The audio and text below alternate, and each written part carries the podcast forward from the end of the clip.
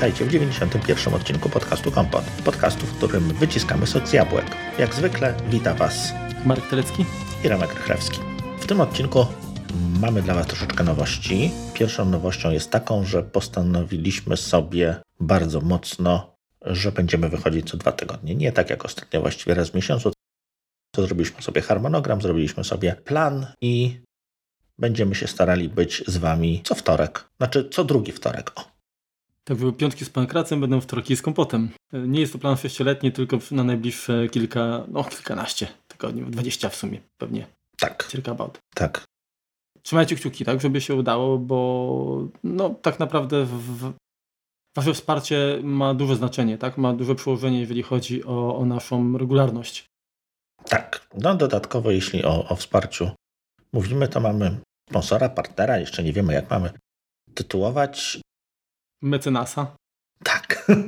Porozumieliśmy się z firmą Synology, która jakby spodobało się to, co my robimy. Nam się podoba to, co robi Synology i postanowiliśmy współpracować, więc będziecie widzieli czasem, czasem logo Synology obok kompotu. Nie ma to zupełnie wpływu na wartość merytoryczną, tak? To znaczy oni, żebyście też nie mieli tutaj przeświadczenia, że, że musimy o nich mówić dobrze i, i nie, muś, nie możemy na przykład wymawiać nazw ich konkurencji. Nie, nic takiego nie ma, nie ma miejsca. My myślimy o nich dobrze i to, i to jak gdyby wcześniej już dawało się usłyszeć, tak? Po prostu będzie troszeczkę więcej na, na temat nasów i, i urządzeń sieciowych Synology. Znaczy jestem przekonany, że fakt, że Synology zdecydowało się na współpracę z nami nie jest kwestią jednego odcinka, ostatniego odcinka, tak, które poświęciliśmy wybor, wyborze NASA, tak.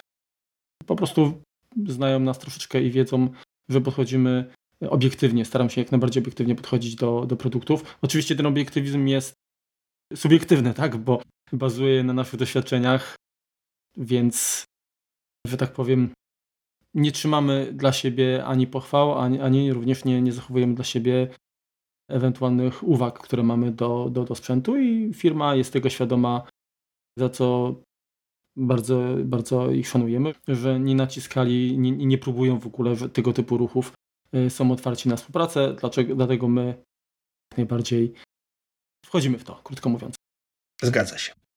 Więc troszkę za ciosem, tak? Natomiast no to i tak, i tak nim dogadaliśmy się ze sponsorem, to chcieliśmy kontynuować to, co, to, co rozpoczęliśmy w ostatnim odcinku, czyli wybór NASA i troszkę odpowiedzieć na pytania Wasze i, i troszkę opowiedzieć o, o nowościach, ponieważ dużo rzeczy się, nie jest to jeszcze oficjalnie, jak gdyby w Polsce ta informacja dostępna, natomiast pojawiły się informacje na temat na Tajwanie, już to są oficjalnie na stronach Synology, na temat powiedzmy tegorocznej generacji tych nasów plusowych, czyli tych takich, które podstawowych DS-ów, czyli desktopowych, które moim zdaniem są najlepiej się sprzedającymi urządzeniami w, w, w ofercie Synology. Najpopularniejszymi ja je najczęściej widuję, więc, więc stąd wysnuwam tą, tą hipotezę. Pamiętacie, y, bo Reku wspominałeś nazewnictwo w poprzednim odcinku, czyli te wersje plusowe są najmocniejsze, naj, mają największe. Mają procesory Intela. Mhm.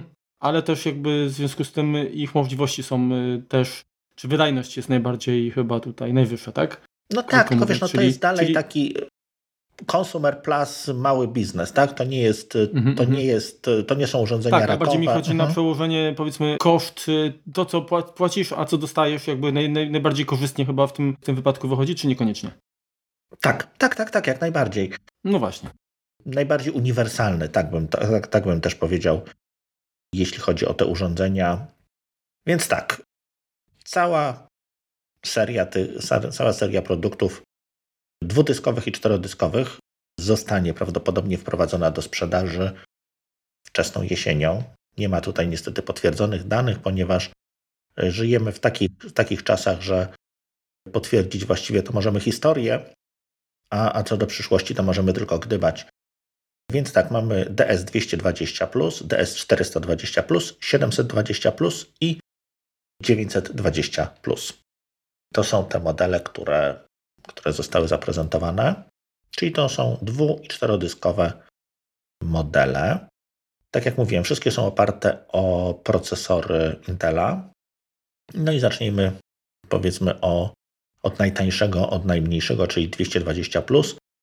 Co tam mamy? Przede wszystkim nas, jak wszyscy wiedzą, rozpoznają już na, na nazewnictwo 2, czyli dwudyskowy, 20, czyli z tego roku, plus, czyli z Intelem. Na pokładzie siedzi dwujajeczny Celeron 4025, J4025, czyli to jest taki procesor atomowy z czwartej generacji, czyli aktualnie najnowszy. Standardowo 2 GB RAMu, niewiele niestety, tutaj nas Synology nie rozpieszcza. Rozszerzalny do 6, podejrzewam, że przy użyciu śrubokrętu rozszerzalny do 8 i co jest powiedzmy nowością, to co, to co mi się bardzo akurat w tym modelu podoba, to zwykle te modele podstawowe, czyli te, które nie mają możliwości do, do, dopięcia do siebie dodatkowych dysków zewnętrznych przez SATA, miały jeden port lanowski. Tutaj są dwa i to jest bardzo miła odmiana, bo możemy sobie, mamy dodatkową redundancję, możemy szybciej wysyłać agregację tych portów mhm. również. Pod warunkiem, że mamy switcha, który y, nam w tym pomoże, czy nie? Oczywiście, tak, tak, nie, no to musi być, no, musi to być okay. wspierane. Dobrze, a powiedz mi, powiedz mi bo, bo to, jest, to jest ten najmniejszy model, tak? W stosunku do tak. modelu DS218 plus, poza tym drugim y, złączem R45, jak tam wygląda, jeżeli chodzi o procesor, jest ten sam, czy, czy się zmienił? Nie, jest wyższy, jest wyższy procesor, jest nowsza generacja procesorów. Co za tym idzie tam, zresztą jak to Intela, tak? No wydajność taka normalna nie ma jakby tutaj, wiesz, takiego niesamowitej, powiedzmy, różnicy, tak? No niestety procesory Intela nie ewoluują tak szybko, jakbyśmy sobie to, to powiedzmy wymarzyli, tak? Natomiast e, co tutaj można powiedzieć o tym procesorze? On ma dużo lepszą grafikę, więc będzie lepiej działało transkodowanie wideo. Tutaj, tutaj na pewno, jeżeli mamy operacje takie, które, które wymagają jakiegoś, jakiejś tam sztucznej inteligencji, tak jak wykrywanie twarzy, to również będzie nieco lepiej. Natomiast, wiesz co Marku, to nie jest jakby tak, że posiadamy NASA zeszłorocznego i wyszedł tegoroczny i, i, i nagle ten, ten stary już jest nie, do niczego. Ja się nie spodziewam, ja się nie spodziewam jakichś znaczących y, różnic, ale no jestem po prostu ciekaw, ty zdecydowanie bardziej w tym siedzisz, obserwujesz ten rynek, te zmiany, yy, dlatego cię dopytuję. Znaczy tak, no jeżeli miałbym dzisiaj kupować, to bym raczej i nie musiał tego kupić, to bym chwileczkę poczekał na te nowe modele. Natomiast yy, Synology bardzo długo wspiera swoje produkty. Tutaj jakiejś tam wielkiej różnicy nie będzie, jeśli chodzi o. Jeżeli, znaczy inaczej, no jeżeli rzeczywiście potrzebujecie jutro iść do sklepu kupić dysk sieciowy, możecie śmiało to zrobić. No to jest tak jak z kupowaniem Maca, tak? Raz na dwa lata wychodzi nowy model, stary jest w sprzedaży przez, przez ten czas i, i tyle. No. To jeszcze się spytam o kwestię pamięci, bo mhm. że standardowo ma tam 2 giga. Czy rozumiem, że jest y, dostępna pod, pod jakimś nie wiem, klapką bank tak y, do obsadzenia modułem, nie wiem, mhm. DIM, tak? Coś takiego? Tak, tak, tak. Wyjmując no to... dyski, mhm. po prostu mamy dostęp, tam widać, widać tak naprawdę w środku jedno złącze, takie jak laptopowa pamięć po prostu wchodzi. Mhm. A te 2 giga jest, jest wlutowane, tak? Nie, nie jest wlutowane. Ono jest, w, czy, wiesz co, nie wiem, bo nie widziałem tego, natomiast mogę zgadywać tak jak było w 218, w 218 ta druga była po prostu po drugiej stronie płytki drukowanej, czyli w tym momencie hmm. trzeba było zdjąć po prostu obudowę. Rozumiem. Czyli wyciągamy e... dwójkę, wkładamy czwórkę yy, i w drugi, w drugi złącze drugą czwórkę mamy 8. Dokładnie tak. Mhm. Okej, okay, dobra. To leć dalej z kolejnym. 420 jest e, większym bratem 220. Na szczęście nie jedyną różnicą jest to, że można tam dołożyć dwa dyski. Dodatkowo mamy, i to jest to jest bardzo fajne, bardzo, bardzo mi się to podoba. Mamy możliwość dołożenia dwóch dodatkowo modułów NVMe. Więc możemy włożyć dyski na przykład, nie wiem, 16-terabajtowe, teraz są produkcji Seagate'a i do tego dołożyć jeszcze dwa razy 2 terabajty NVMe. Przy czym Jeśli chodzi o implementację Synology, to nie ma możliwości, żeby z tych dysków NVMe, czyli dysków tak naprawdę SSD flashowych, zrobić zasób jako taki. One działają tylko jako cache. Czyli nie zwiększają nam pojemności, zwiększają nam prędkość. Czyli mamy możliwość, nie wiem, włożenia na przykład czterech 10-terabajtowych dysków. W RAIDzie 5 daje nam to 30 terabajtów. Dokładamy do tego dwie jedynki NVMe. Nie robi nam się z tego 11 czy 12, dostaje 10, po prostu mamy szybszy dostęp do plików. Okej, okay, a jeszcze mam jedno pytanie. Hmm? Czy te dodatkowe moduły, poza funkcją y, cache'u, tak, czyli tego bufora, czy one również pomagają na przykład w takich operacjach jak y, odbudowanie macierzy? Przy odbudowie macierzy muszą być dane przeczytane z dysków, muszą być dane zapisane na dyski. Tutaj nie będziemy mieli wpływu na wydajność.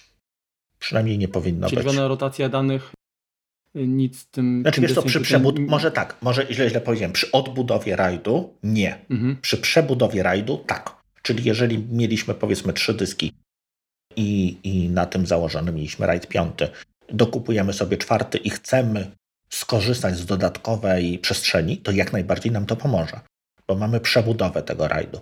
Y, natomiast jeżeli była sytuacja taka, że posiadaliśmy ileś tam dysków i nagle któryś nam się z nich popsuł, a mieliśmy na przykład nie wiem, mirroring czy, czy, czy RAIDa 5, no to w tym momencie to te dane muszą się po prostu przeczytać z tych dysków. No pewnie jeżeli aktu, akurat ten, ten część, część nich będzie, będzie dostępna na, na tych, w tym cache'u SSD, no to trochę to przyspieszy, natomiast wiesz, no zwykle ten cache SSD no nie jest bardzo duży, tak? No bo jednak te dyski są, są nieco, nieco bardziej kosztowne.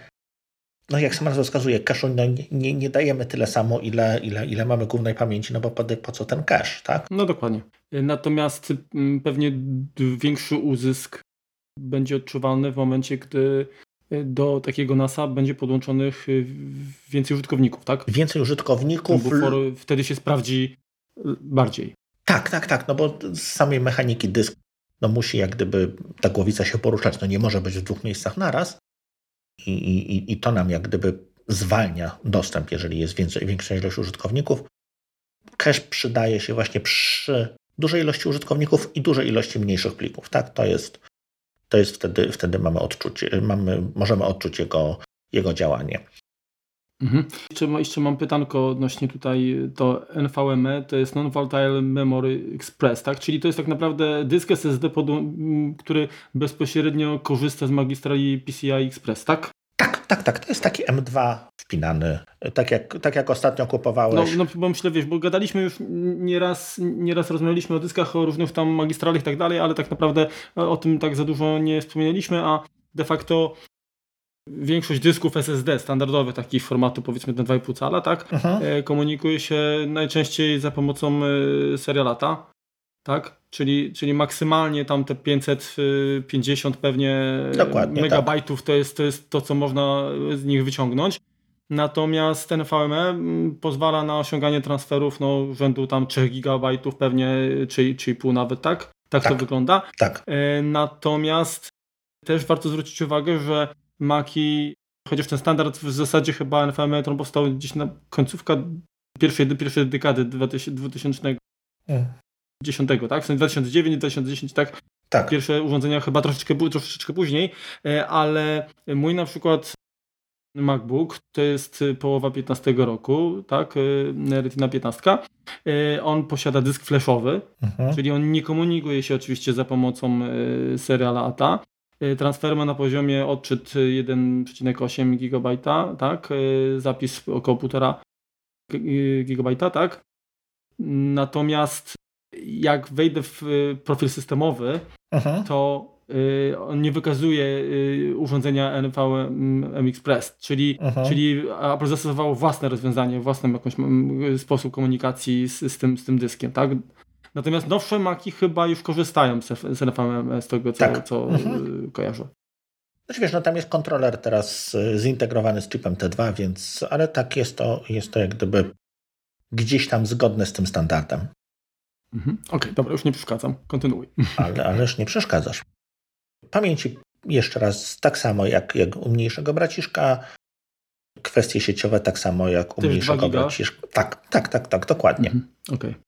Półeczka wyżej, czyli te modele, w którym mamy dodatkowo złącze eSATA, czyli możemy podłączyć taką córeczkę z dyskami, powiedzmy. Co się zmieniło? Tam jest mocniejszy procesor, jest czterordzeniowy zamiast dwurdzeniowego, więc tam jest Celeron J4125. Taki właściwie standardowy procesor, jeżeli chodzi o, o szybkie, y, szybkie NASy. To jest chyba najwyższe to, co, to, co można w, tej, w, tej, w tym segmencie atomowym od, od Intela dostać. No i teraz tak, co się różni, jeżeli chodzi o tą wersję dwudyskową, czyli DS720 w porównaniu do, do, do 220 dochodzi nam port NVMe na dwa, tak samo na, na dwa dyski i to jest nowość w ogóle, jeśli chodzi o, o dwudyskowe rozwiązania w, w Synology. Szybszy procesor i, i tyle, tak? No, port, port SATA, tak.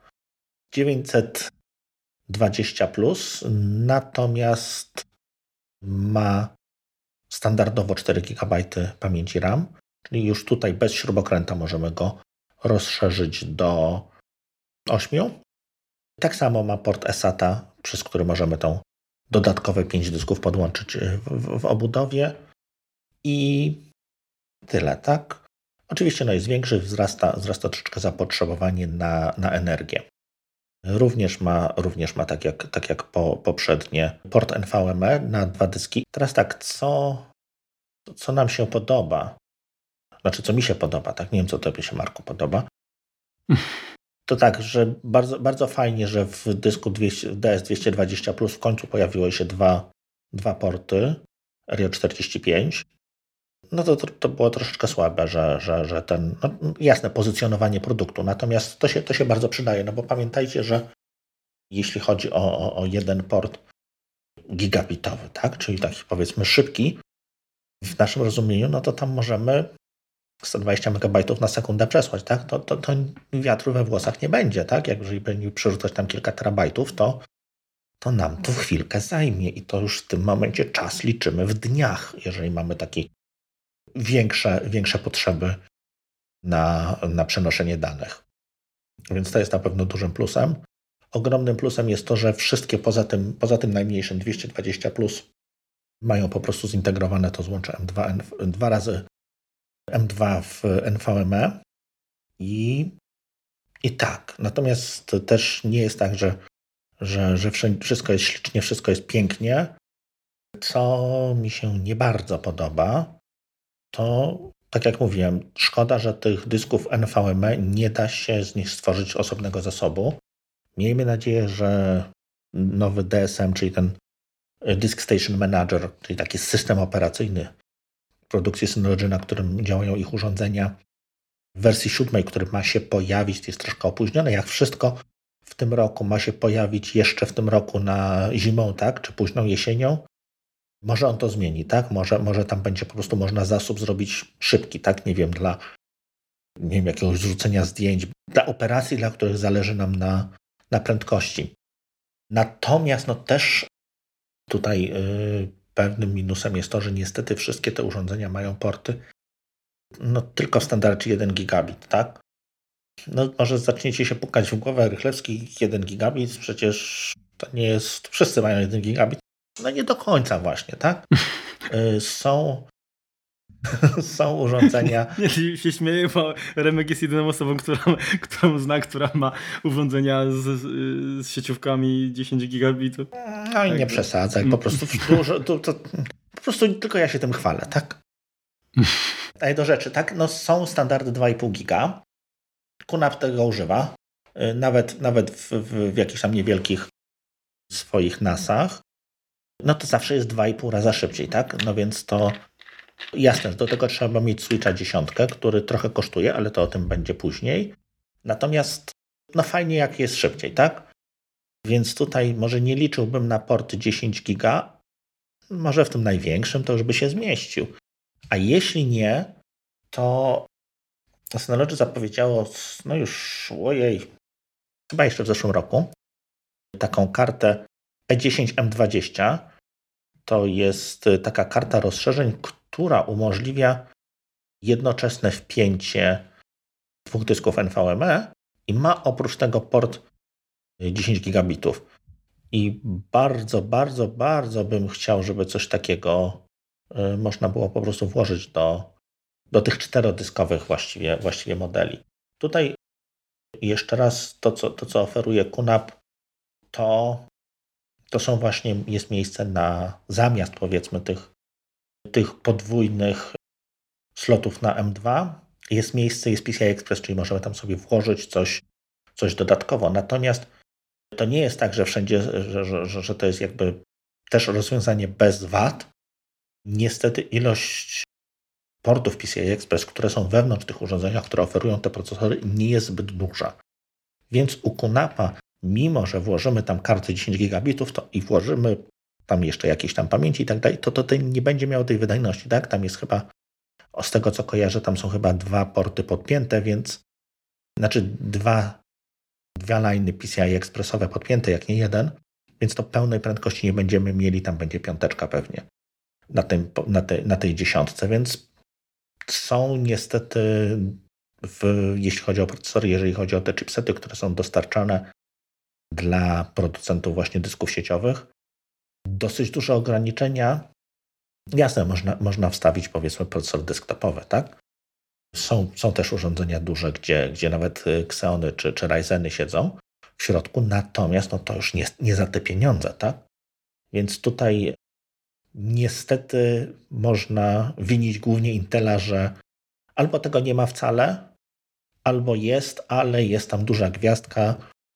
Jeśli sobie włożysz wszystko, co, co wymyślił producent, no to i tak i tak nie będziesz miał stuprocentowej wydajności. Ja tak mam przy, przy, przy moim kunapie, gdzie, gdzie dużo różnych rzeczy jest włożone, no to on nie, nie wyrabia tak, jak powinien.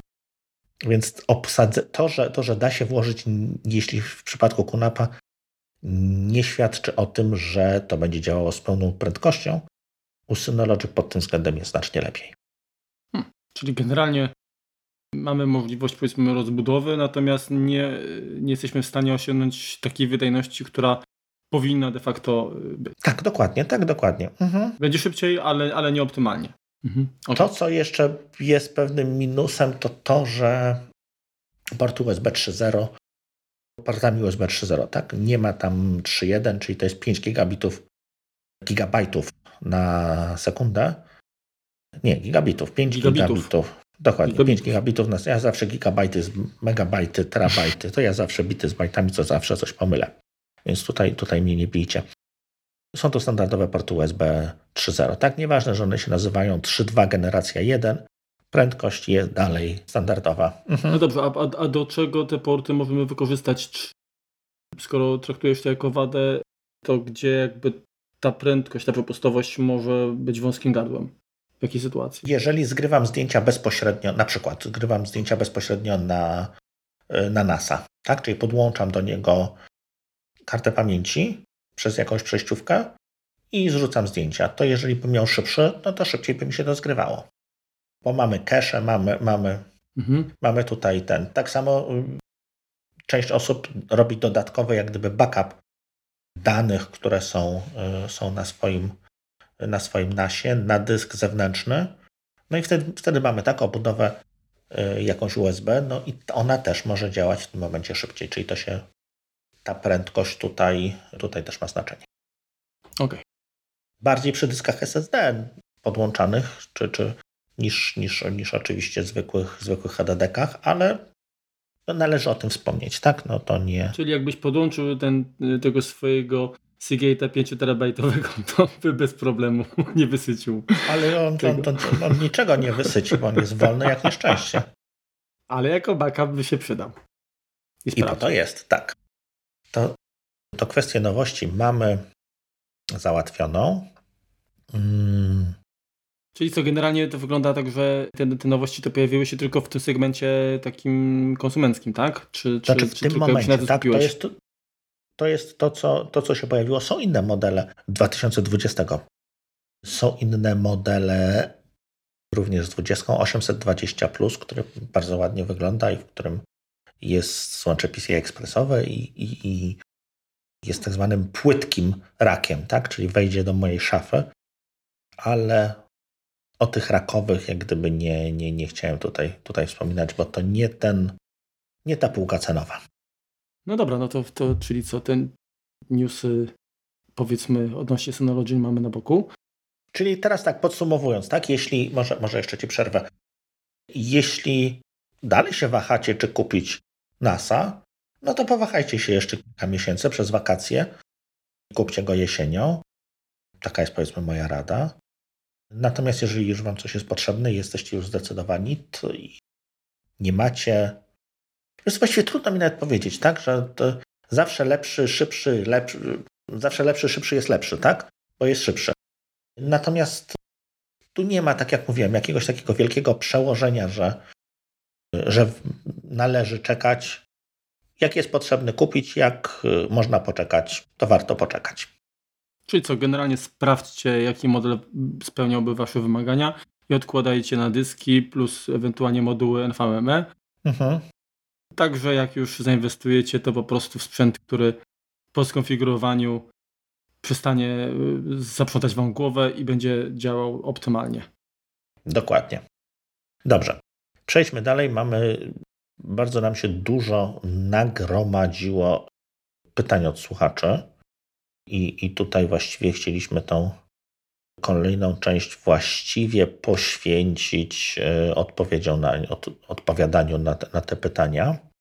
E, zacznijmy może o wymianie pamięci w, w NASA. Wymianie pamięci. Wiesz co? Tak. Mm, no właśnie, pytanie, bo tak jak wspomniałeś, przy tych modelach no, stosunkowo świeżych, tak, które dopiero się, że tak powiem, mhm. Y, pojawią, standardowo y, są 2 GB pamięci. No i teraz właśnie pytanie, bo różne dyskusje pewnie ludzie prowadzą, jaki jest sens inwestowania w rozszerzenie pamięci do NASA, bo de facto jako urządzenie, znaczy NAS jest komputerem de facto, tak? Natomiast który tak, tak naprawdę z podstawową funkcjonalnością jest udostępnianie pewnego rodzaju zasobów. Tak? Dokładnie, I tak. tutaj tak de facto, jeżeli nie mówimy o jakimś wielodostępie, no nie wiem, w ilości użytkowników naprawdę jakimś niebotycznym, gdzie prawdopodobnie i tak przepustowość sieci mogłaby y, okazać się jakimś wąskim gardłem, to mm, ta ilość pamięci prawdopodobnie te 2 GB spokojnie by wystarczyły, prawda? Tak, dopóki nie mamy więcej dysków, tak? Jeżeli, jeśli mamy... No właśnie, to to, bo ja mam pewne teorie, gdzie się ta pamięć może przydać, ale to najpierw powiedz ty, y, gdzie to ma sens. Ja, ja, generalnie jestem za, za rozbudową, bo to, to nie jest koszt, to nie jest inwestycja na poziomie rozbudowy pamięci w Macu Pro, tak? Mhm. Moduły pamięci są standardowo tutaj, tak? Te y, SODIMy, w związku z czym te, ten koszt pamięci dzisiaj naprawdę nie jest y, jakiś wyśrubowany.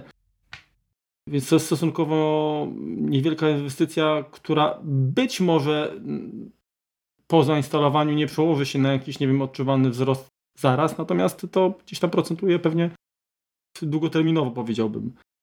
No ale dobra, to, to przedstaw swoje e, argumenty za i ewentualnie przeciw, jeżeli, jeżeli, jeżeli ma. Więc pierwsza sprawa. Jeśli mamy NASA, e, zrób to sam, Adam Słodowy, czyli na przykład FreeNASa, który działa w oparciu o ZFS-a, to tam bez 8 GB nie ma co podchodzić.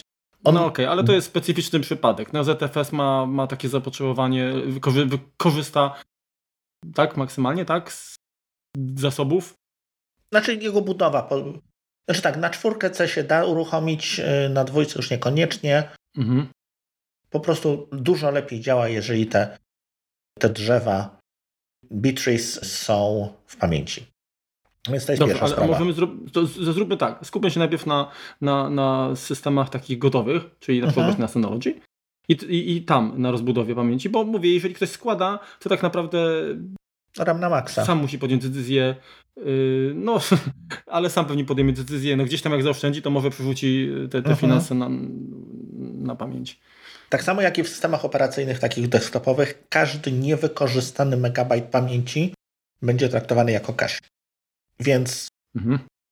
przy dużej ilości plików i przy wielodostępie ma to znaczenie, tak? No bo mamy w tym momencie trzy poziomy cache'u. Mamy pamięć, mamy dysk SSD i mamy dysk rotujący. Mhm. Czy... No chciałem tylko powiedzieć, że wydaje mi się, że y, jeżeli zainwestujemy w NASA, które ma możliwość na przykład transkodowania materiałów y, multimedialnych, to tam mhm. ta pamięć jeszcze bardziej może się przydać, zwłaszcza jeżeli mówimy o materiałach wysokiej rozdzielczości i tym bardziej, gdzie y, klient nie będzie w stanie materiału bez transkodowania odtworzyć. Tak, oczywiście. Tutaj masz, masz rację. I drugim, którym jeszcze bardziej będzie potrzebny aspekt, to jest wirtualizacja. Jeżeli mamy zamiar postawić sobie nawet jakąś prostą aplikacyjkę do IoT pod, pod malutkim Linuxikiem, to on będzie potrzebował dodatkowego, nie wiem, gigabajta tylko dla siebie. Więc, czy, czy jakiś serwer Minecrafta, czy coś, coś nawet drobnego, tak? To automatycznie ten e, zapotrzebowanie na, na, na RAM rośnie nam właściwie wykładniczo, tak? I to, jest, to są te momenty, które, które, yy, których się przydaje. Co jeszcze daje, powiedzmy, posiadanie sparowanej pamięci, czyli takiej samej w dwóch slotach, ona wtedy działa troszeczkę szybciej. Czyli yy, i tutaj dlaczego tak trochę, trochę narzekałem na to 2 giga, no bo w tym momencie, żeby mieć sparowaną, trzeba dołożyć jeszcze dwa. Żeby mieć to samo w, oby, w obydwu slotach, tak, żeby działał dual channel. Więc tutaj te 6 gigabajtów jest możliwe, natomiast no to nie jest, nie jest szybkie. Lepiej działają te procesory zwykle w momencie, kiedy obsadzone mają wszystkie sloty taką samą wielkością pamięci, no bo w tym momencie mogą dostawać się do niej y, w tym samym momencie. Mhm. Kwestia właśnie też takich operacji typu przebudowa macierzy czy odbudowa. Pamięć pewnie tutaj też y, będzie mieć. Będzie tak, mieć no bo jest buforem, oczywiście, że tak. Mhm. Co w kwestii takich aplikacji jak Plex? Czy na przykład zauważyłeś, y, że w zależności od tego, ile pamięci miałeś w swoich nasach, y, czy ta platforma chodziła na przykład bardziej y, wydajnie? Eee, poczekaj, myślę, wiesz co, tak, na pewno tam jest również przebudowa biblioteki, no do każdego filmu.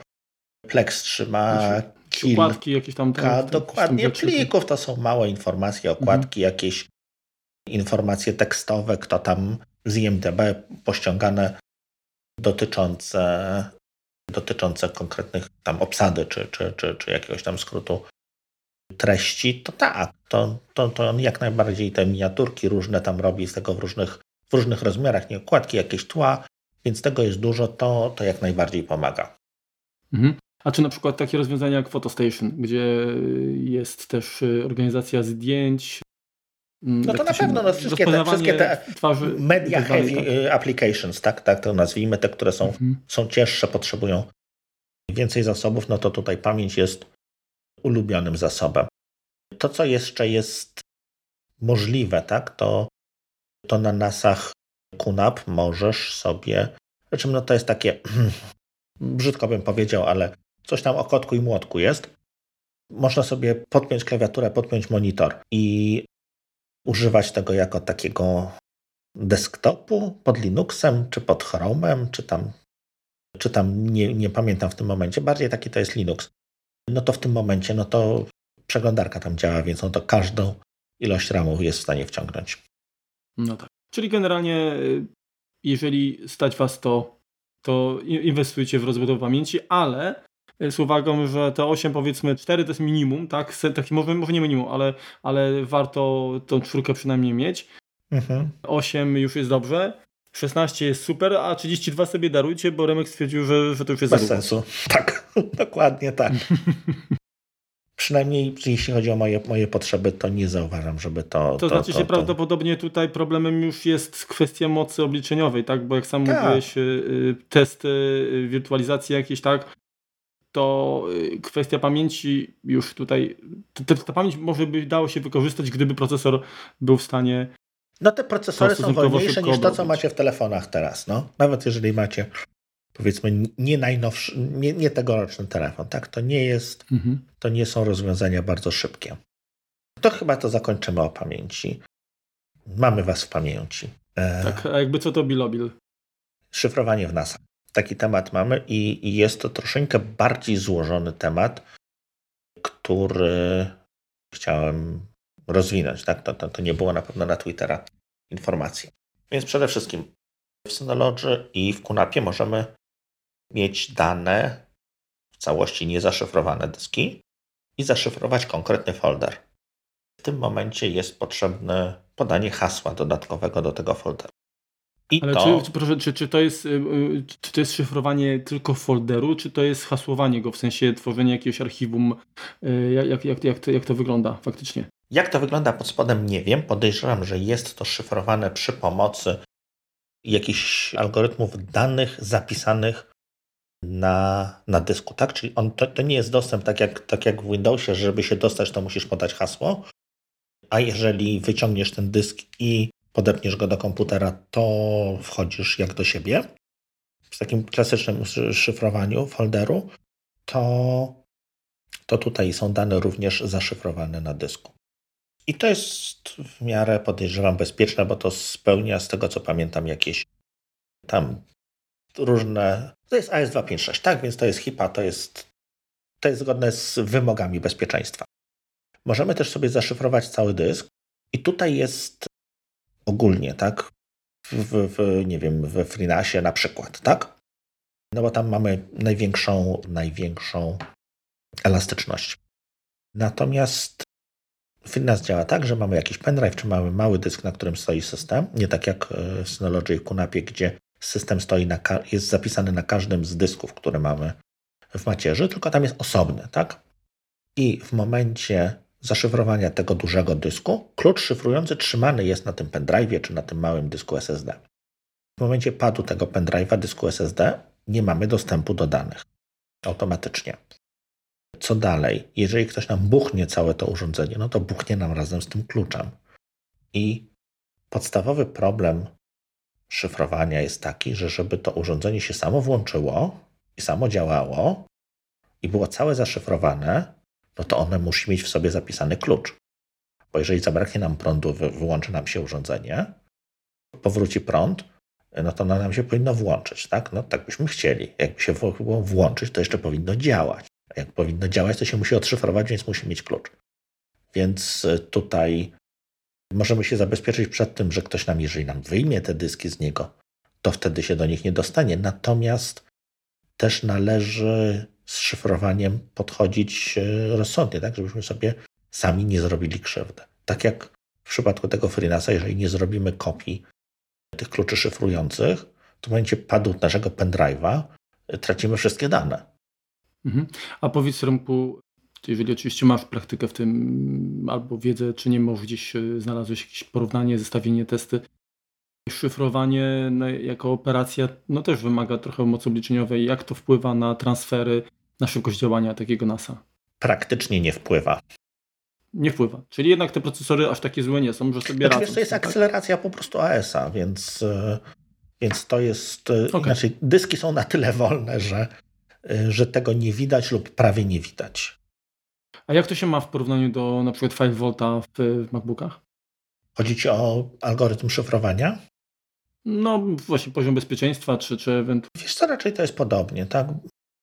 Bo to, wiesz to, bo tak, bo tak, tak myślę odnośnie problemów z rozszyfrowaniem, tak? Czyli jak, jak tam mhm. mówisz, że, że ten, ten klucz jest zapisany gdzieś tam na pendrive czy na dysku SSD, czy nie ma możliwości y, taki, y, nie wiem, no jednak konto Synology na przykład też, też można założyć tam, czy, czy nie w Kunapie, mhm. czy nie wiem, że można było klucz zaszyfrowany gdzieś tam trzymać w chmurze i mieć do niego dostęp, no bo de facto jeżeli dobrze kojarzę, to jeżeli chodzi o FileVault, to to można go odzyskać, tak? Z, od, od Apple, tak? Znaczy, jeżeli się na to zgodzimy. No. I teraz, czy, czy podobne rozwiązanie jednak nie można byłoby, czy nie wiem, czy może Synology albo, albo inna firma oferuje coś podobnego, żeby jednak y, uniknąć takiej sytuacji, o której wspomniałeś? Wiesz co, nie bawiłem się tym nigdy, to ci, to ci tutaj niestety nie, mhm. nie odpowiem.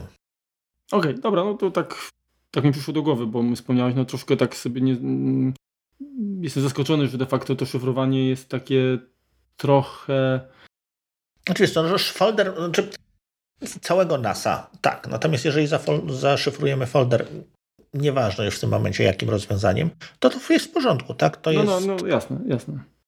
Dobrze, e, co tam mamy dalej, dalej na tapecie? No trochę mi się dostało za, za to, że, że wciskam ludziom sieci switche i, i, i rozwiązania, które kosztują e, wywrotki pieniędzy, czyli 10 gigabitowe. E, no i chciałem się troszkę obronić. Najprostszym switchem, któremu nic nie brakuje, 10 gigabitowym jest Mikrotik. To jest bardzo taka łatwa nazwa, wszyscy od razu zapamiętają. CRS 305 kreska 1G kreska 4S plus IN. Przecież od razu wiadomo o co chodzi. To jest taki czteroportowy, właściwie no, tam cztery, no, no pięcioportowy, no ale y, cztery porty SFE+, czyli cztery porty 10 gigabitowe, pod które możemy dołączyć te, te złącza takie GBIC, tak? czyli takie uniwersalne. Z nich yy, korzystać. Można to przestawić jako firewall również lub działa jako switch, bo tam są jakby dwa systemy operacyjne mikrotikowe, które obsługują. Tam pod spodem chodzi sobie jakiś tam Linux i tak to wygląda. Posiada to również jeden port RJ45 gigabitowy, przeznaczony na przykład do zasilania. Oprócz tego jest zasilacz w komplecie. Teraz tak, czemu o tym wspominam i czemu Mikrotik? No Mikrotik, znaczy ja się z Mikrotikiem za bardzo nie lubię. To jest, to jest pierwsza, pier, pierwsza sprawa. Znaczy ja znam osoby, które akurat chwalą sobie mikrotiki, taki ten router OSTAK, jeżeli dobrze kojarzę. Tak, e, tak. Ponieważ oferuje mocno, że tak powiem, du dużo udostępnia tak dla administratorowi, tak? Możliwości konfiguracji są, są stosunkowo duże, mhm. ale mnie interesuje bardziej kwestia, bo wspomniałeś tutaj, że chcesz się bronić, to y, czy chyba, że chcesz zostawić tę informację na koniec. Jaki jest koszt tego pudełeczka?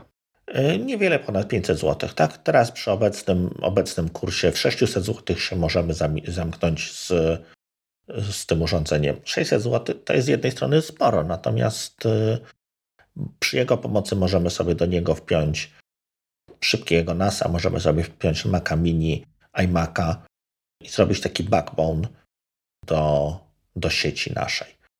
On, tak jak mówiłem, nie posiada w, jakby z dobrodziejstwem inwentarza wkładek tych, czyli tutaj trzeba dodatkowo dopłacić.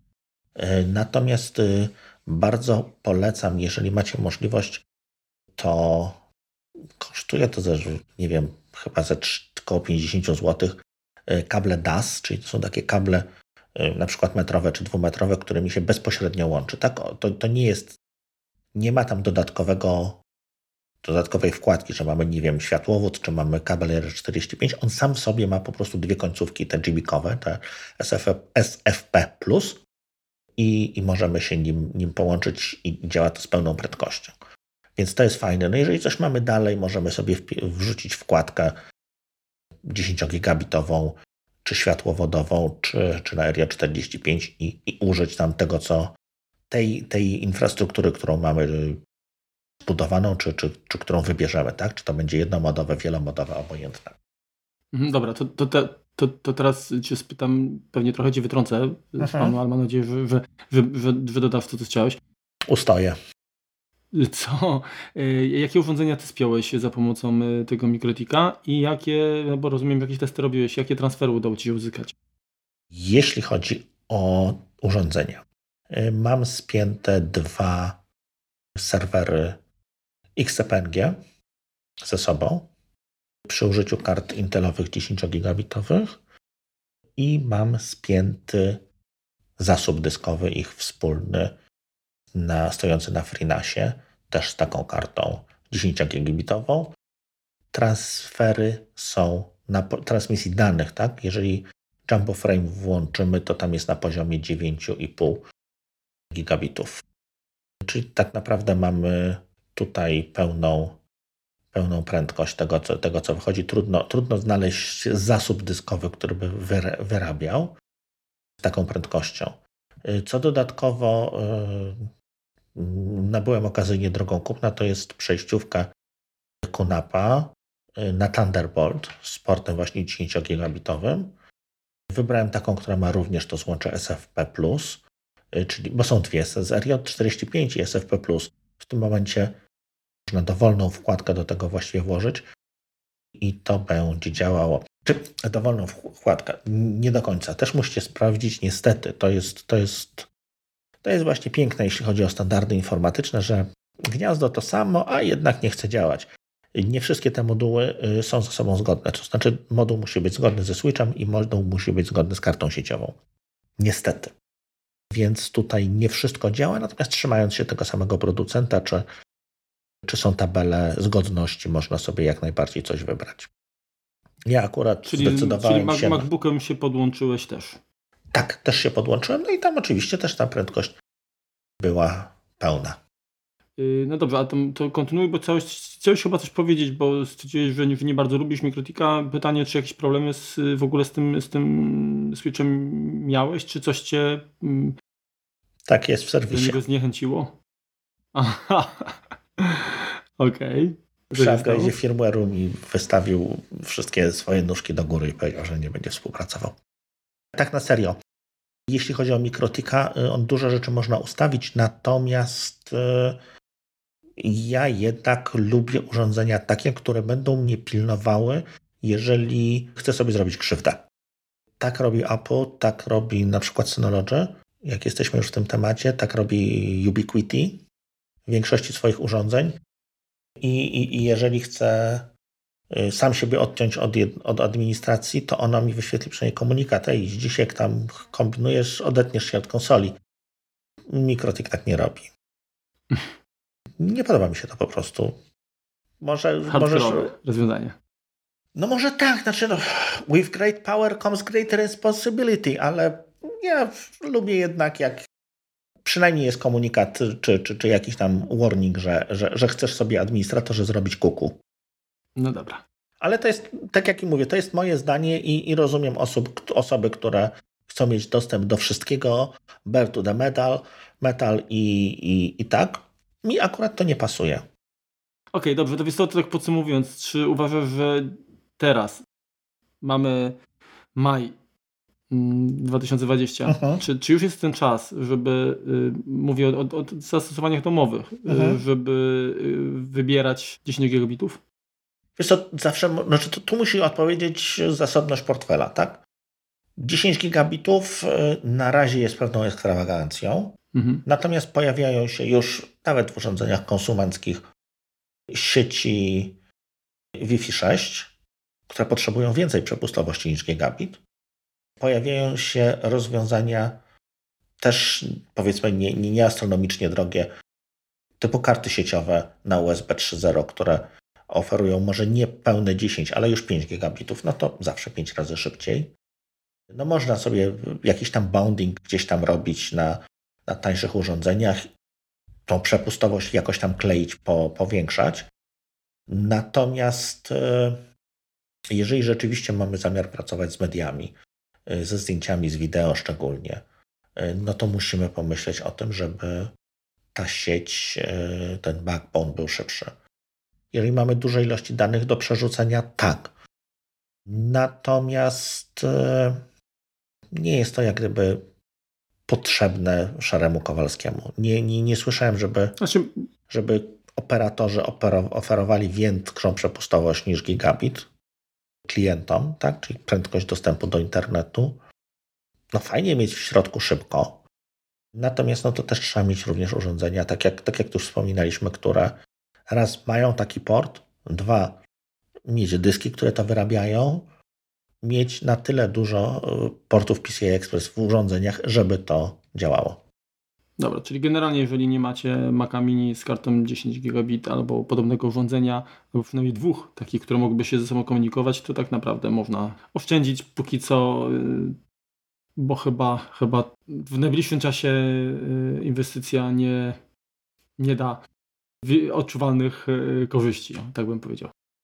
Wiesz, zależy z kim rozmawiasz. To wszystko zależy od, od specyfiki pracy.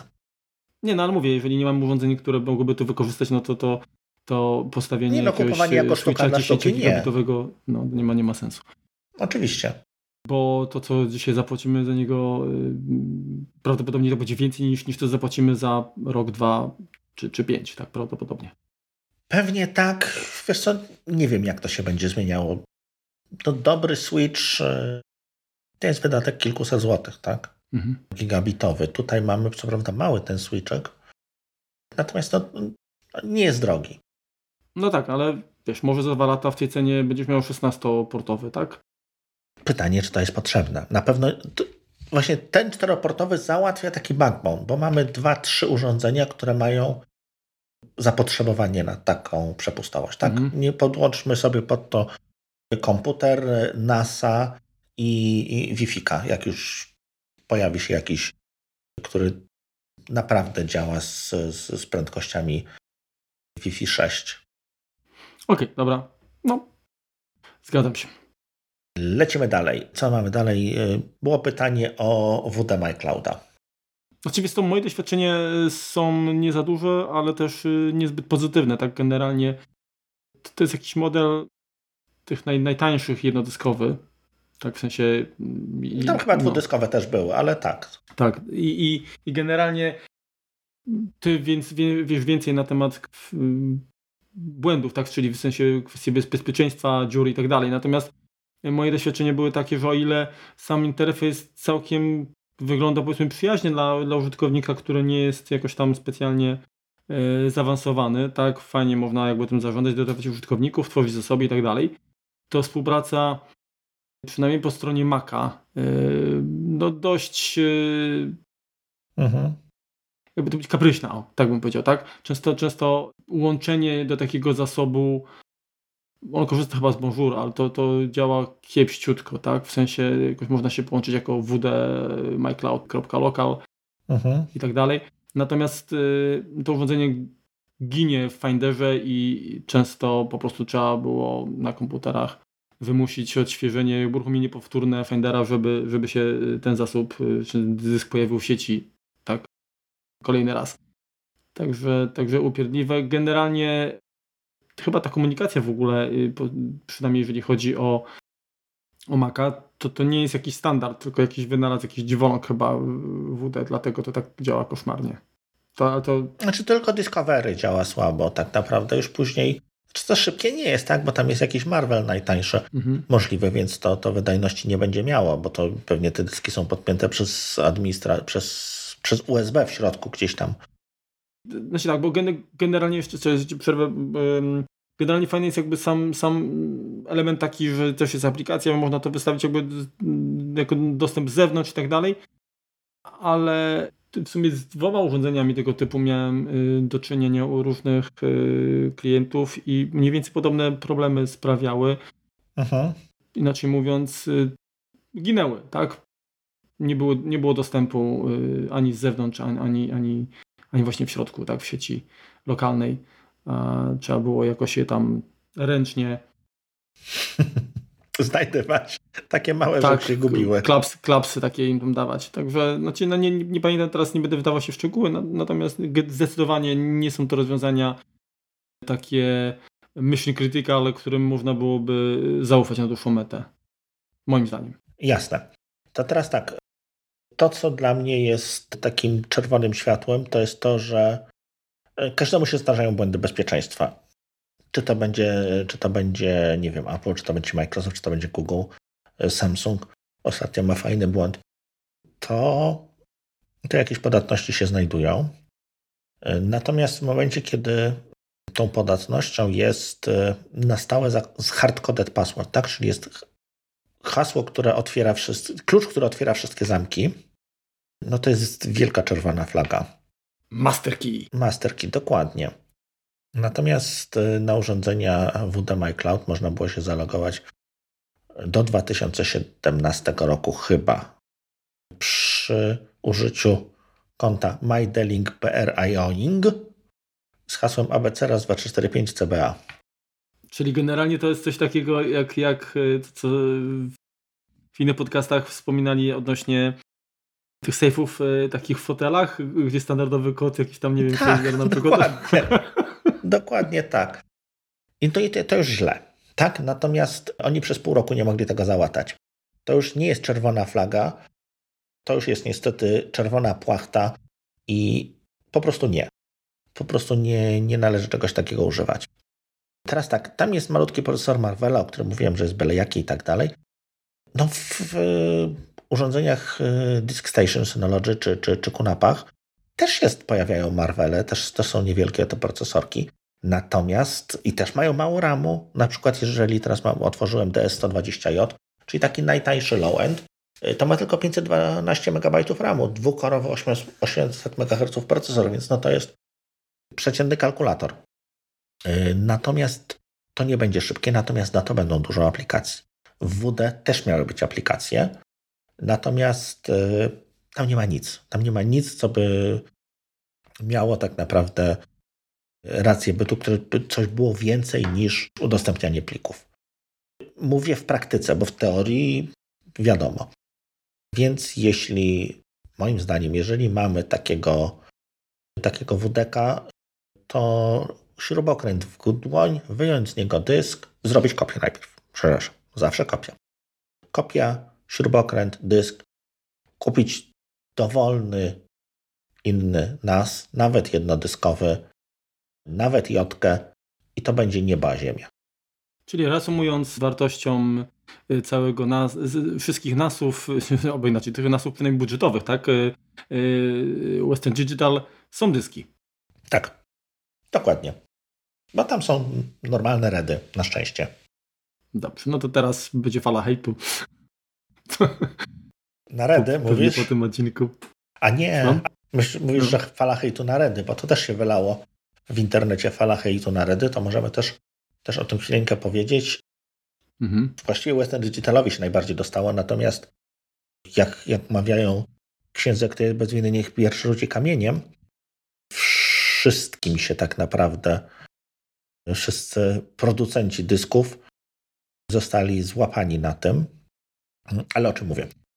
Afera była taka, że w dyskach dedykowanych do NASów, czyli RED, WD, producent zaczął stosować dyski form, zapisujące w formacie SMR czy w trybie SMR. I teraz co to jest? Jak sobie wyobrazicie dysk twardy, no to oczywiście mamy sobie talerzyk, który się kręci, yy, mamy głowicę, która zapisuje. Mm, to na razie wszystko jasne, tak? No i track 1 jest obok tracka drugiego, potem jest track trzeci, track czwarty i 5724. I wszystko jest fajnie, natomiast producenci dysków, czy stety, czy niestety, wymyślili, że te ścieżki są grube, więc te ścieżki ileś zajmują miejsca. Wszyscy chcielibyśmy, żeby na więcej danych nam się zmieściło na dysku. No więc wymyślili coś takiego, że jakby, co by się stało, gdybyśmy, żeby one trochę na siebie zachodziły, tak? Żeby jedynka zachodziła na dwójkę, a na dwójkę trójka, to przecież jak się zapisze, to będzie fajnie, bo się zapisze gęściej, a jak się odczyta, to ta głowica odczytująca i tak da radę, tam trochę będzie więcej błędów, ale mamy korekcję i wszyscy będą szczęśliwi. No to działa. Przy czym pojawia się problem taki, no co jeśli nagle mamy te powiedzmy pierwsze 10 sektorów zapisane, tak? Czyli pierwszy nachodzi na drugi, drugi na trzeci i tak dalej, i tak dalej, i tak dalej, że coś musimy zmienić w czwartym sektorze. I tu jest problem. No bo jeżeli nagle zapiszemy coś w czwartym sektorze, yy, no to skasujemy trzeci, bo one na siebie nachodzą. Więc producenci dysków yy, stwierdzili, no to wymyśliliśmy kiedyś takie coś, co się nazywa trim, czyli jak już będzie tak źle, że musimy rzeczywiście tam to zapisać, to my najpierw odczytamy, a potem zapiszemy. Bo tak dyski SSD robią, wszyscy są szczęśliwi i to działa. I tak działa również dyski SMR, czyli one korzystają z tej, z tej technologii. Co za tym idzie? Przebudowa rajdu jest wolna. Tak naprawdę te dyski według mnie nie powinny być używane do, do takich normalnej, do normalnego użytku, tak? To można tego używać do monitoringów, można używać do backupów, do takich przemiału takich danych, gdzie po prostu zapisujemy ciągiem dużo danych, odczytujemy ciągiem dużo danych, natomiast to, co zapisaliśmy, niekoniecznie zmieniamy, tylko po prostu zapisujemy od nowa. To tak troszeczkę tytułem teorii. Natomiast praktyka wygląda w ten sposób, że właśnie Western Digital został złapany za rękę, że takie, takie dyski umieszcza w, oferowanych przez siebie produktach. Więc teraz tak, w międzyczasie wyszło na to, że, że Seagate też nie jest święty, bo też, też coś takiego robi i Toshiba też i generalnie wszyscy. Więc jeżeli nie chcemy mieć dysku y, SMR, czyli takiego z tą technologią, którą opisałem przed chwilą, musimy albo kupić WDK w wersji Pro, bo one już tego nie mają, jeżeli chodzi o NASy, albo powyżej 6 terabajtów, bo zwykłe WD-RED, ponieważ 2, 3, 4 i 6 terabajtów, oczywiście tam jakieś tam są różne, różne generacje, ale obecnie w sprzedaży, czyli te między 2 a 6 terabajtów, są zbudowane w technologii SMR. Jeśli chodzi o WDK, jeżeli chodzi o wersję Blue, to 2 i 6 terabajtów są w wersji 3,5 calowej, 2, 1 i 2 terabajty w wersji 2,5 calowej i żeby było zabawniej, WD Black 1 terabajtowy również jest w technologii SMR. Jeżeli jesteśmy przy WD, wszystkie dyski Gold, wszystkie dyski WD Red Pro są zrobione w standardowym CMR-ze, więc tutaj, tutaj w, to, w to nie wchodzą. Czy mógłbyś rozwinąć te skróty SMR i CMR, bo jeszcze jest chyba PMR? PMS. już, już, już rozwija, już się rozwija, Marku. Mój to rozmarynie. O Jezus, wpakowałeś mnie na minę. Perpetual Magnetic Recording to jest PMR i Single Head, nie, Singled Magnetic Recording to jest SMR. Mhm. A, per, a... Nie, to jest pierwsze, to jest, e, widzisz źle, jeszcze raz. Perpendicular. Perpendicular Magnetic Recording to jest PMR i SMR to jest Singled Magnetic Recording. Ale będę miał tutaj cięcia, bo się nafafluniłem strasznie. A coś mówiłeś o CMR jeszcze, tak? Nie. No to mówiłeś, to musisz wyciąć, bo, bo właśnie tak przynajmniej ja usłyszałem. Jak wspominałeś o tych y, właśnie Red y, Pro i, i Goldach, że, że, że to SMR, są CMR. Mogłem, mogłem po angielskiemu powiedzieć CMR. Ale to nie koniec, ponieważ jak już jesteśmy przy tych różnych akronimach i, i dyskach, no to tak jak, tak jak wiemy, no tak, jak, tak jak mówiłem, aktualnie dobiliśmy do 16 terabajtów, ale to nie dlatego, że pojemność tych talerzy wzrosła, bo tutaj mamy już jak gdyby ścianę, tylko tych talerzy jest więcej, są cieńsze. E, więc to, co nas czeka w przyszłości, to poza tym, że wszystkie modne dzieci z bloku będą kupowały dyski SSD, to czeka nas również wprowadzenie czegoś, co się nazywa AAMR. Nie wiem, co to znaczy, nie znam rozwinięcia skrótu. Magnetic Recording. No pewnie jakiś High Availability, coś tam, nie wiem. I w tym momencie mm, te dyski zaczną się pojawiać w drugim kwartale tego roku i będą to dyski powyżej 20 terabajtów. I podobno mają dojść do 50. Takie są plany do 2026 roku. Przynajmniej takie, takie ma plany Seagate. Więc dalej będzie nam pojemność dysków rosła. Czy, będzie, czy będą bardziej bezpieczne? Nie sądzę. Natomiast e, zawsze możemy posłużyć się jakąś tam wielokrotnością rajdem. Teraz kolejna sprawa. Jak już jesteśmy wewnątrz, wewnątrz dysków, to istnieje w, tak zwane w narodzie przekonanie, że dyski wypełnione helem to jest coś złego, bo tak jak, tak jak wiecie, to, to te dyski większej, większej pojemności początkowo są sprzedawane w wersji takiej helowej. No nie jest to nic złego, one się po prostu mniej grzeją. Hel stawia mniejszy opór. Koniec pieśni. Jak już producenci opanują daną technologię, to wypełniają je powietrzem i helowe wchodzą jak gdyby wyżej. Nie jest to nic złego. Można, można takie dyski kupować. One się nie popsują, bo nam ten hel wyparuje. Nic z tych rzeczy. A wiesz, co się dzieje, jak się nałyka w nie? A wiem. Tak a propos, yy, w samochodach wiesz, że się stosuje na przykład azot do pompowania kół? Mhm. No tak, no bo on, ale to z powodu tego, że on mniejszą, yy, mniej reaguje na, objętościowo na zmianę temperatury. Mhm. Brawo. Ach, a, a Hell jest chyba dlatego, bo jest e, mniejszy opór stawia. Ale nie wiem, tak słyszałem. Dobrze, dzisiaj jest odcinek, kiedy nie bardzo Markowi tutaj daję dojść do słowa, ale to musicie, musicie mi wybaczyć. A jak nie, to się odzywam. Już cięty ripost. Dobrze. Co mamy dalej w y, pytania? Y, urządzenia macOS, ewentualnie iOS. Y, co do nich można podłączyć w, w temacie NASA? Aha, mówisz w sensie o, o rozwiązaniach, które są, nazwijmy to makolubne. Jabłko tak? jabłkolubne, tak. Mhm. Wiesz co? No, ja bym powiedział, że Synology jest makolubne. Ale i to bez, bez kozery. Zresztą swego czasu taki portal Macworld nawet zrobił zestawienie różnych urządzeń mhm. i między innymi właśnie Synology tam trafiło do takiego zestawienia, przynajmniej jeżeli mówimy o takich rozwiązaniach konsumenckich, bodajże właśnie model 218 DS218, nie pamiętam mhm. teraz, czy plusowy, czy, czy inny. Natomiast y, mm, generalnie osoby, które trochę y, siedzą w rynku, może, może w Polsce nie wszystkie rozwiązania są tak dobrze znane, ale myślę, że część y, z producentów czy, czy nas produktów nie będzie jakby dla Was nowością.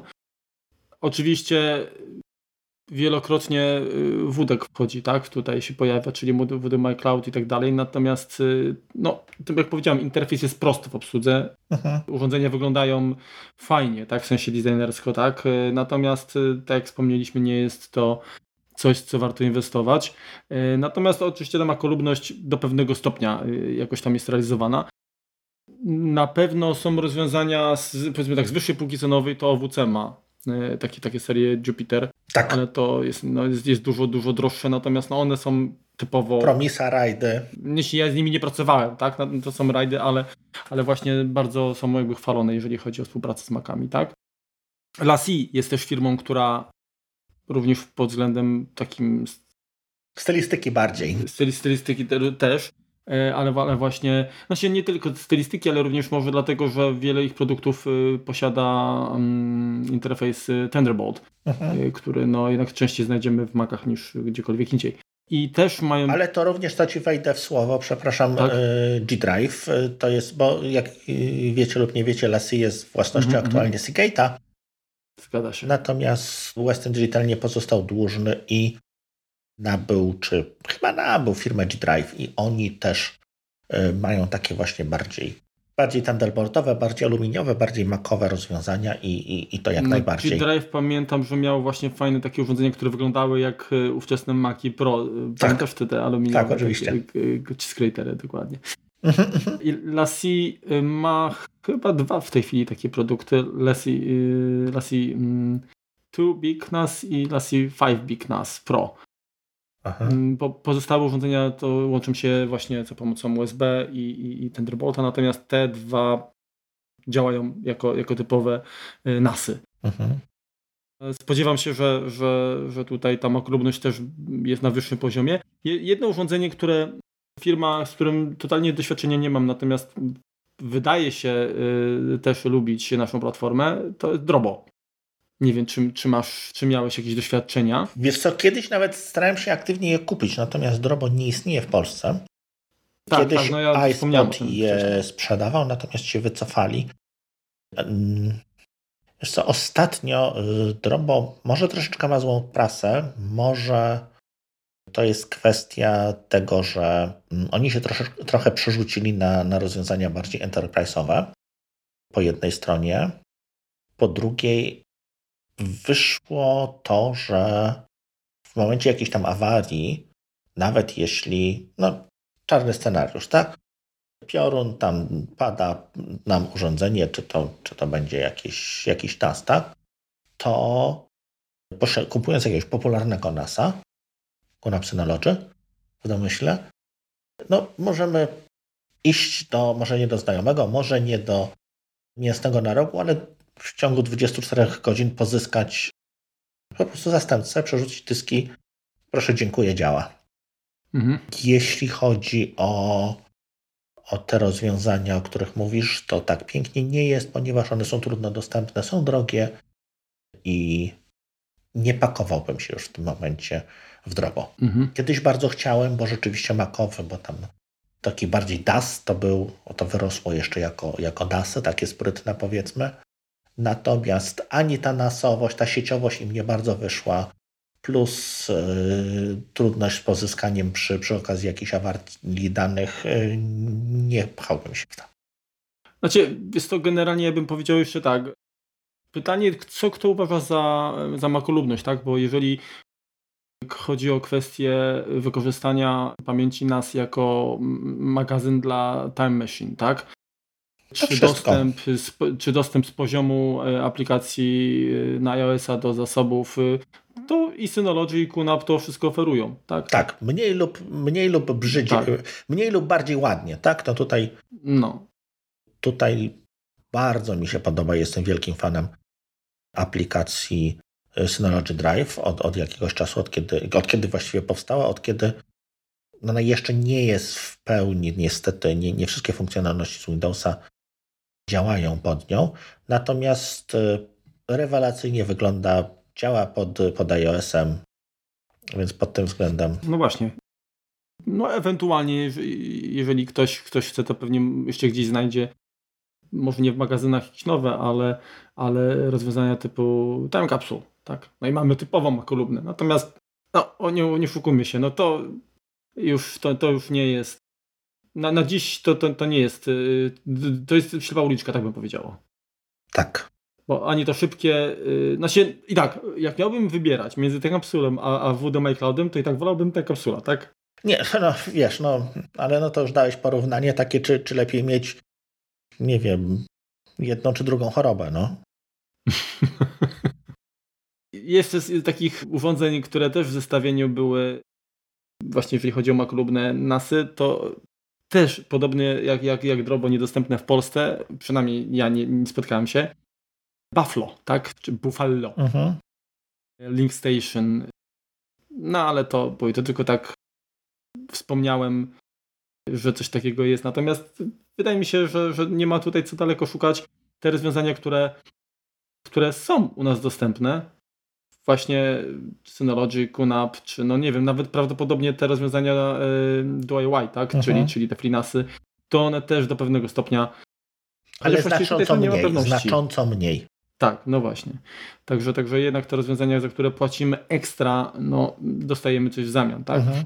Tak jak wspomniałeś, aplikacje na iOS-a y, są stosunkowo dobrze zrobione. No, z poziomu komputera to i tak obsługujemy przez przeglądarkę, to nie ma co tam... Oczywiście, ale możemy mieć podpięte tak jak powiedzmy jak Dropboxa. Mm -hmm. Więc, więc to, jest, y, to jest jak najbardziej wygodne. No właśnie, także wydaje mi się, że nie ma chyba co tu się rozwodzić nad tym, jeżeli ktoś y, pobawi się, tak, czy nie wiem, gdzieś tam nawet poszuka albo, albo skorzysta z, z nie wiem, rozwiązania u kogoś innego, żeby, żeby obejrzeć taką mhm. aplikację, zobaczyć jak, jak to funkcjonuje, to to będzie chyba wystarczająca rekomendacja, tak, czy decyzja o, o wyborze, bo tak naprawdę, no nie wiem, przy dyskach generalnie y, jak kupujemy dysk, no to jak jest y, especially for Mac, to się różni tylko tym, że, że jest formatowany był, tak, w FS Plusie, bądź były jakieś, bądź były narzędzia... Droższy, na stówkę typu y, jakieś 3G, y, NTFS, tak, i tak dalej, żeby można było y, powiedzmy odczytać no, format pecetowy i tyle. W przypadku NASów, no tutaj tak naprawdę... Protokoły sieciowe są te same. Tak. To Czyli tak naprawdę aplikacje na iOS, a te właściwie każda licząca się firma, jeżeli wyprodukuje aplikację na Androida, to prawdopodobnie na, tym bardziej na iOS-a. No tak, to pytanie to jest, jest jak, szybko, jak szybko je uaktualnia, no bo czy, czy, czy stety, czy niestety, no to zmiany iOS-a, kolejne, kolejne wersje wprowadzają czasami problemy ze zgodnością, więc tutaj też, też trzeba o tym pamiętać. Przypuszczam, że dla wielu użytkowników, zwłaszcza no, tak jest no, standardowych, domowych tak użytkowników, makolubność będzie bardziej związana z estetyką. Tak, tak, tak, tak, tak. Niż, niż z funkcjonalnością. Tak? No teraz też, no też e, powiedzmy tak jak, tak jak już mówiliśmy w poprzednim odcinku, jeżeli mamy Kunapa, to zazwyczaj on był lepszy sprzętowo, mieliśmy Synology, był lepszy programowo, był ładniejszy i tak dalej. Teraz te, e, te interfejsy czy, czy, czy możliwości sprzętowe, no to bardzo, bardzo, bardzo mocno się zbliżyły do siebie, ale tak jak mamy te, te, te dwa interfejsy przed sobą, no to QNAP jest troszkę bardziej taki sierżmiężny, taki bardziej Windowsowy, natomiast więcej kolorków takich cieni czy, czy, czy, czy, czy takich drobnych wodotrysków graficznych, źle powiedziałem wodotrysków, no rzeczy takich ładniejszych e, znajdziemy u Synology, natomiast to jest, to jest bardzo do siebie zbliżone, tak jak, tak jak mówiłaś. Jeżeli miałbym wybrać coś, co jest najbardziej makowe, no to Synology, ale to, to, to, to aż y, się sam zaczynam tu bapać, że, że za często o nich wspominam, a, ale zasługują, no więc nie mam, nie mam tutaj innego, innej możliwości. Pytanie mieliśmy od słuchacza, nie zapisałem od kogo, ale to, to trudno. O prędkość. Jak jest z synchronizacją kusync? Jak działa Synology Drive i jak działa Nextcloud czy OnCloud? Wiesz co, to bardzo trudno jest zmierzyć tak naprawdę, bo bym musiał mieć te same dyski, te same pliki do tych, tych samych urządzeniach. Niestety nie mam czegoś takiego. Mhm. Z tego, co patrzyłem, to Nextcloud jest najwolniejszy. QNAP będzie 5% szybszy od Synology. 5-10% powiedzmy z, te, z, tego, co widzę. Natomiast ja mam troszeczkę, troszkę różne y, konfiguracje sprzętowe tutaj i, no i nie mam tego za bardzo jak ujednolicić, więc to jest spora, spory aspekt, znaczy spora granica błędu. Tak? Powiedz mi, ten, ten Kusync to jest, to jest jakieś, jakaś aplikacja yy to jest taki Dropbox by, by QNAP. Mhm. A Synology korzysta z AirSynca, tak? Nie, nie. Synology korzysta z Synology Drive. A, okej, okay, dobrze. Nie, bardziej mi chodziło jakby może tam... Mhm. To chodzi jakby w folder, jakiś... to jest taka funkcjonalność e, funkcjonalność Dropboxa. Teraz tak, napisał do nas jeszcze Michał, mm, który opowiada, że, że zbudował sobie FreeNASa i tak troszkę między wierszami wychodzi, że mu trochę wstyd, że ma takiego freelansa. Słuchaj stary, no jesteś w stanie zbudować samemu urządzenie, które działa, samemu je skonfigurować, good for you. To nie jest tak, że te, te, te rozwiązania pudełkowe, one są lepsze, bo są pudełkowane, są lepsze, bo mają większą funkcjonalność. Natomiast wiele z tego, co co one oferują. Możesz sobie zbudować sam, tam sam piszesz o Picholu y, czy OpenVPN-ie. Można zbudować to na, na właśnie dowolnym urządzeniu.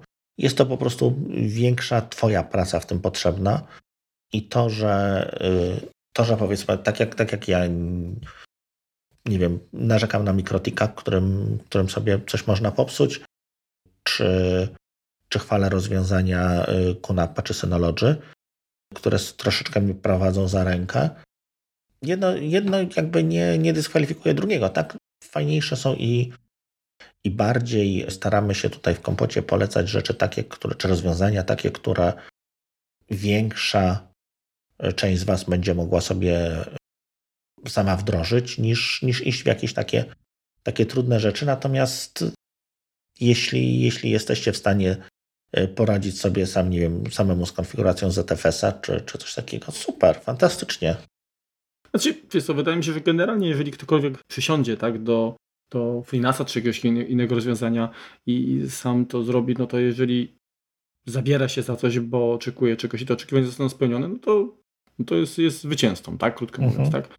Jeżeli, nie wiem, kosztowo to się zepnie i oferuje to, czego oczekujemy, a mamy przy okazji jeszcze satysfakcję, tak? Mhm. No to, to, to super. Oczywiście wiadomo, że dochodzą jakby kwestie, jeżeli chcemy to wystawić, gdzieś tam kwestie bezpieczeństwa i tak dalej. No mówię, ja pewnie musiałbym mieć dużo wolnego czasu, żeby się na to, na to porwać. Natomiast y, uważam, że, że na, na pewno jest to fajna zabawa i, i, i dużo nowych, nowych, nowych doświadczeń, tak? Mhm. Także też y, gratuluję tutaj Michałowi, że, bo tak jak opisał, no to, to dość widać mocno jakby z tym, z tym walczył i różne rzeczy poskładał zusammen i, i to wszystko działa. No to to jest uważam sukces, tak? Dokładnie, a w gruncie rzeczy, jeśli chodzi o kwestie biznesowe, to od FreeNASa, do FreeNASa też można dokupić wsparcie i, i, i używać go w, w, w, rozwiązaniach korporacyjnych nawet, tak? Bo ma, ma, też, ma też sporo, sporo plusów. No nie bez kozery Kuna w swoich modelach QTS Hero stawia na BSD, na ZFS-a, więc no jest to też droga do, do rozwiązań z innej półki, tak naprawdę. No dobrze, wyczerpaliśmy siebie, znaczy ja siebie wyczerpałem, bo Markowi nie dałem to do słowa w tym odcinku prawie. Więc to chyba na tyle. Jeszcze raz dziękujemy Synology za to, że, y, że możemy razem coś podziałać i do usłyszenia za dwa tygodnie. Dokładnie. Czyli co? No bo tytuł odcinka jest Kto nas wspiera. No my wspieramy nas, a nas wspiera Synology. Tak. Zgadza się. To co, bardzo dziękujemy. Byłoby nam bardzo miło, jakbyście jakoś nas ocenili w iTunesie. Mamy nadzieję, że dobrze. Fajnie, jakbyście nas polece, polecili znajomym. I do usłyszenia za dwa tygodnie. To jeszcze ode mnie, słuchajcie, jako że to nie skończyliśmy jeszcze y, tematyki y, nasów. Jeżeli macie jakieś pytania, jakieś sugestie, no to napiszcie. Tak, wiecie jak nas znaleźć, także napiszcie. Chętnie, chętnie się ustosunkujemy, ustosunkujemy do, tak. Do, tak, do waszych właśnie tutaj uwag. No i tyle. Dzięki i do usłyszenia już za dwa tygodnie. Na razie. Cześć. Cześć. Nie pluj w mikrofon. Pam, pam, pam. Dobrze. Tom, tudom, tom, tudom. Nie, sprawdzam, czy mi się te kiwaczki kiwają. Marku? No. Z, Słyszysz mnie? Bo mnie coś... A, dobrze, bo mi... Ja... No. Odświeżył mi się adres IP, nie wiem z jakiej parafii. Teraz ten ostatni, to nie wiem, co autor miał na myśli. No, Remku, prowadzący drogi. Czy coś jeszcze będziemy mówić, czy już się zamykamy i, i dajemy, zostawiamy niedosyt słuchaczom? Czekaj, bo mi widzę, jakie mi się nagrywa. Dobra, nagrywa mi się. Uf, dobra. A tak minął. Ale nie widzę, gdzie gdzieś mi okienko zginęło z nagrywaniem. Dobrze. Dobra, nie będę tego dotykał. Godzinę 30 nagrywamy. Uf.